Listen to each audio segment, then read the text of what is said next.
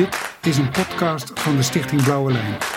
De centrale lijn is om vanuit de waterbouwers van Nederland met hun historische waterbouwkundige kennis, visie en verhalen bij te dragen aan waterveiligheid en andere waterproblemen.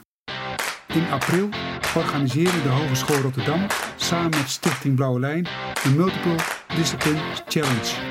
Inzet was om groepen studenten uit verschillende studierichtingen bestaande waterbouwprojecten te laten beoordelen. Hun vernieuwende oplossingen kunnen bijdragen aan een betere waterveiligheid. In de vorige aflevering kwamen de studenten Rick en Sam aan het woord. Zij vergeleken bestaande waterbouwkundige plannen met elkaar en kwamen tot de conclusie dat de plannen Banjaard, Delta 21 en Sluizen en Duinen samen voor een optimale veiligheid tegen een zeespiegelstijging van 3 meter zorgen. In deze aflevering van Nieuwe Watermeesters vertellen Isatis, Lauren en Estrella over het draaiboek wat ze maakten voor het Internationaal Watersymposium in Rotterdam in november van dit jaar. Wat hield jullie opdracht in? is een evenement, namelijk 600 jaar geleden dat de Elisabethvloed was. Allereerst waren we met z'n allen ingedeeld. Toen heeft onze opdrachtgever Leo ervoor gekozen om onze groep te splitsen in tweeën. Een groep die, de evenement, die het evenement gaat organiseren en een groep die de internationale contacten gaat leggen. Nou ja, het, het idee is om het fysiek te doen, maar vanwege corona kunnen we niet garanderen dat dat mogelijk is. Welkom bij deze podcast van de, eigenlijk van de Multidiscipline Challenge hier in de, in het, eh, in de RDM Campus in Rotterdam. Ik heb hier de presentatie gezien, waarvoor mijn complimenten. Dat zag er heel strak uit. Het eerste wat me opviel is, jullie hebben het duidelijk met z'n zevenen afgebakend. Een evenement, een draaiboek maken met zeven mensen en daar eh, iets over vertellen. Nou, maar voordat ik over de inhoud ga, even iets over jullie zelf. Want Isatis, welke studierichting volg jij? Ik studeer Facility Management en ik zit in mijn derde jaar. En Lauren? En Estrella? Had ik het beter in één keer kunnen zeggen natuurlijk. Ja, ja heel makkelijk. Ehm, was dat, is dat bewust gedaan, eh Isatis, om dat te doen? Nee, het was eigenlijk niet zo bewust. Ik en Estrella, ja, we zitten wel in dezelfde klas, dus we wisten wel dat we facility zijn. Maar toen we met die andere zeven dames samen was en we gingen, oké, we gaan de dagen verdelen. En dan moeten we gaan met 2, 2 en 3. En we dan hadden gewoon per ongeluk Lorraine, Lorraine gekozen. En toen we daar dan zaten, was het, oh, ik studeer ook facility management. Heel toevallig. Heel Ja. toevallig. We kenden elkaar ook nog Ook niet. niet, nee. Het is nog moeilijker in deze tijd, hè, dus dat je heel veel online moet doen. Want hebben jullie elkaar al fysiek, eh, de andere vier ook al ontmoet op de hogeschool? Nee, helemaal niks. Nee, die ken je, die ken je alleen maar online. Ja. Nu even, eh, Lauren, naar de opdracht zelf. Wat hield jullie opdracht in? Wat was het? Er eh, is een evenement, namelijk 600 jaar geleden dat de Elisabethvloed was. En om dat evenement, eh, om die herdenking, wilden ze eigenlijk een evenement bouwen. Omdat eh, door de klimaatverandering de zeespiegel weer aan het stijgen is.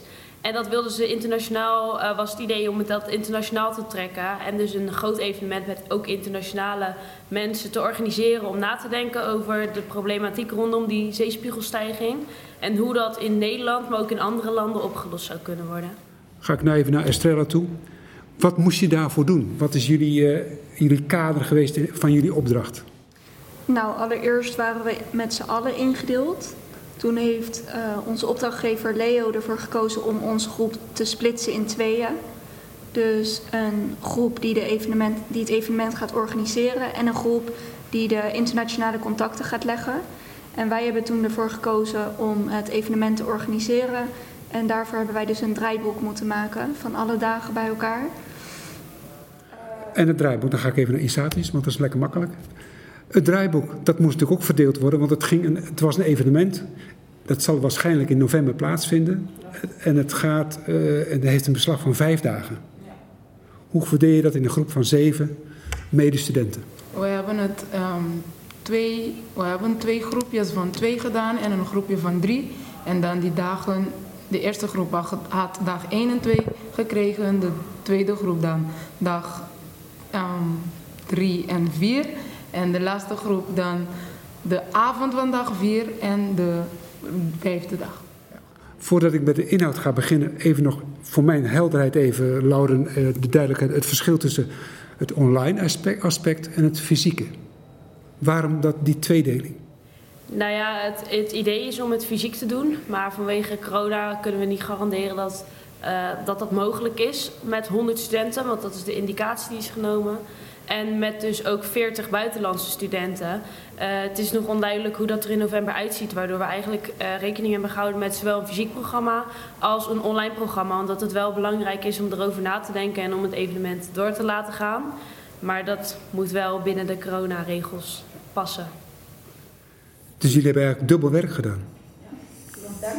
Ja, daar komt het wel op neer. Maar op een hele heldere manier, denk ik, Estrella. Want dan krijg je zo'n programma over vijf dagen. Dan moet je een draaiboek maken. Dan moet je natuurlijk eerst voorbereiden over het onderwerp, over de Sint-Elisabethvloed. Je hebt ik heb het net al even gehoord, over de zeespiegelstijging. Hoe heb je dat van tevoren eerst in je hoofd gezet? Nou, om heel eerlijk te zijn, hebben we niet heel veel voorbereid over het onderwerp zelf.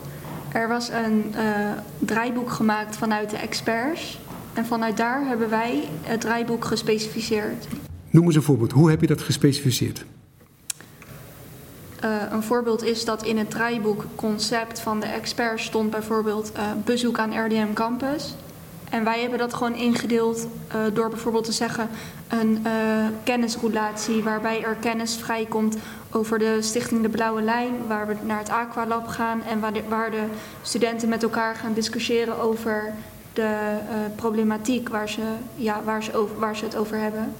Dus op die manier hebben wij het zeg maar ingericht, zelf kunnen inrichten. Isatis, uh, heb je zelf ook nog inhoudelijk ook een aantal dingen zelf mogen bedenken? Ik hoorde net Estrella al zeggen, hè? je hebt bepaalde dingen mogen toevoegen. Stichting Blauwe Lijn hoor ik al even noemen, de Delta-werken. Mocht je dat allemaal zelf inbrengen? Of? Ja, we mogen inderdaad dingen zelf inbrengen. Maar het was een beetje lastig van ons, omdat wij niet echt van in veel inhoudelijk van die zeespiegelstijging en zo wisten.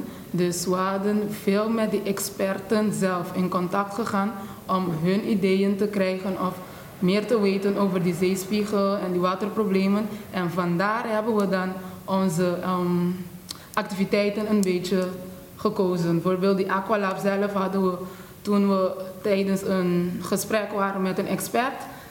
Zij had ons gezegd, ja, jullie kunnen een, een demonstratie laten zien en zo. En dan gingen wij achteruit um, hoe, het zou kan, hoe het eruit kunnen, zouden kunnen zien als wij die Aqualab um, zouden gaan presenteren met die zeespiegels. En heb je dat hele draaiboek ook met z'n allen ook voorbereid, zodat het allemaal online of fysiek allemaal uitgevoerd kan worden? Ja, het was sowieso eerst bij die groepjes en daarna wel komen we wel samen om te kijken naar als, als alles één rode lijn heeft. Lauren, wat vond jij het leukste aspect aan, dit, aan deze opdracht? Ik denk het organiseren van het evenement zelf. Dus gewoon uitzoeken een beetje hoe je dat het beste kan organiseren. Wat je zelf leuk zou vinden um, als student zijnde. Maar dan wel rekening houden dat het natuurlijk met de zeespiegelstijging te maken heeft. En ook dat internationale studenten het snappen. En dat het ook voor hun gangbaar is om mee te doen in zo'n evenement en mee te draaien. Dus ik denk dat dat wel leuk was. Dat het een beetje wat uitdaging was om... Uh, je, heb, je dit, heb je dit eerder gedaan tijdens je studie? Iets, zoiets van deze orde organiseren? Ja, niet helemaal. Uh, soms met projecten had je wel iets wat een beetje op leek. Maar ik denk tijdens stage bijvoorbeeld kan je dat wel dan weer meer toepassen. Dat je soms met stages hebt dat je daar wat meer, uh, meer tijd aan besteedt. Maar niet zo precies als dat ik uh, nu heb gedaan. Estrella, heb jij ook, je, je hebt gezegd, je hebt niet helemaal precies je ingelezen in het hele concept, in het hele draaiboek. Hè. Daar heb je de experts voor nodig gehad. Maar wat hebben jullie dus nu zelf, zelf moeten organiseren? Ik heb al een voorbeeld van je gehoord. Wat heb je nog meer moeten doen? Bijvoorbeeld, uh, ik, ik, ik, ik, hoorde Leo even zeggen dus dat je dus ook uh, uh, een excursie naar Rotterdam hebt gedaan. Per boot? Of zeg ik dat goed? Een, een, excursie, een gids in Rotterdam? Oh ja, ja. we hebben ervoor gekozen om ja, een tour te doen langs de waterkering. Dat klopt inderdaad. Uh, wel is dit ook vanuit een expert gekomen als idee. Maar uh, we hebben zelf gekozen voor de plek, zeg maar. En dat was de Maaslandkering? Nee, toch? Nee. Waar was het?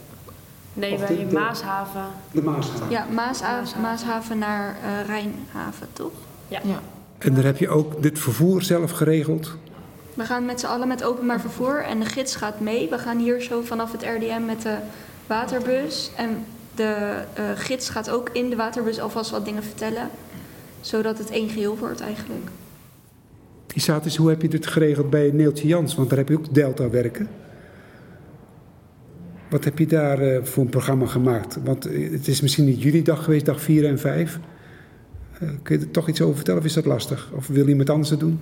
Uh, ja, ik denk dat het vooral is gekeken naar uh, wat zou een leuke optie kunnen zijn voor buitenlandse studenten om best wel makkelijk uh, wat te leren over de delta werken. En Neeltje Jansen staat best wel heel erg goed bekend van dat dat voor kinderen ook leuk is om te zien hoe de, hoe de waterkeringen in elkaar zitten.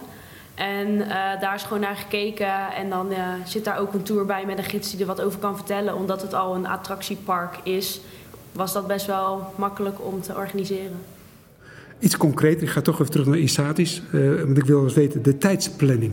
Heb je, moest je aan bepaalde begin- en eindtijden houden? Hoe heb je dat gedaan? Nee, we, hadden, we moesten aan niks specifiek aanhouden, dus we, we konden de dagen gewoon zelfs invullen.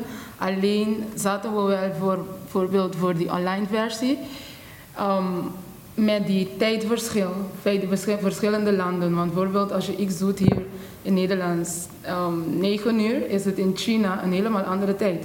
Dus dat hadden we een beetje moeite mee. En dat hadden we besloten om te doen. Gewoon eerst nu gewoon um, de activiteiten verdelen en zeggen hoeveel uur het zal duren. En niet echt een specifieke tijd eraan zetten. En daarna kunnen de um, experten of de volgende personen die dit gaat oppakken kijken hoe het verder kan gaan. En we hopen dat het toch fysiek kunnen zijn, dan zal het toch leuker zijn. Je doelt even op de tijdzones, hè, omdat je natuurlijk die buitenlandse studenten overal vandaan uit, uit Amerika, uit ja. Brazilië en dergelijke. We hopen op een fysiek evenement. Uh, Lauren, toch, uh, geef je dit nu met elkaar uit handen voor een volgende groep studenten? Wat gaat ermee gebeuren? Ja, als het goed is, uh, gaat de volgende groep studenten nog de details uitwerken.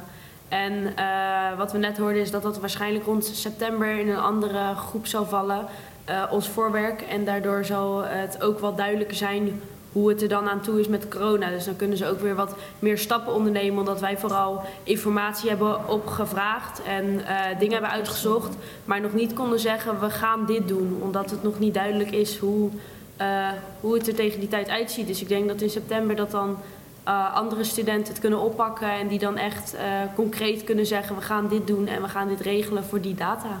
Estrella, um, ga je er ook naartoe als het eenmaal zover is in november? Of heb je het project nu achter je gelaten dat je zegt van nou, ik heb mijn opdracht gedaan en that's it? Ja, dat vind ik moeilijk te zeggen. Voor nu zou ik het wel heel leuk vinden om er naartoe te gaan. Omdat ik er nu natuurlijk twee weken fulltime mee bezig ben geweest. Maar wellicht dat ik tegen die tijd denk van nou, um, ik heb het ook druk met, uh, mijn minor en uh, daarna afstuderen. Dus uh, ja, dan... Even, slotvraag even voor jullie alle drie. Ik begin even bij Isatis. Um, ben je wel eens een keer geweest bij die, uh, bij die punten waar jullie nu een draaiboek voor hebben gemaakt? Bij Neeltje Jans, bij de Maaslandkering. Ben je er overal wel eens geweest? Nee. Nee. Ga je er naartoe?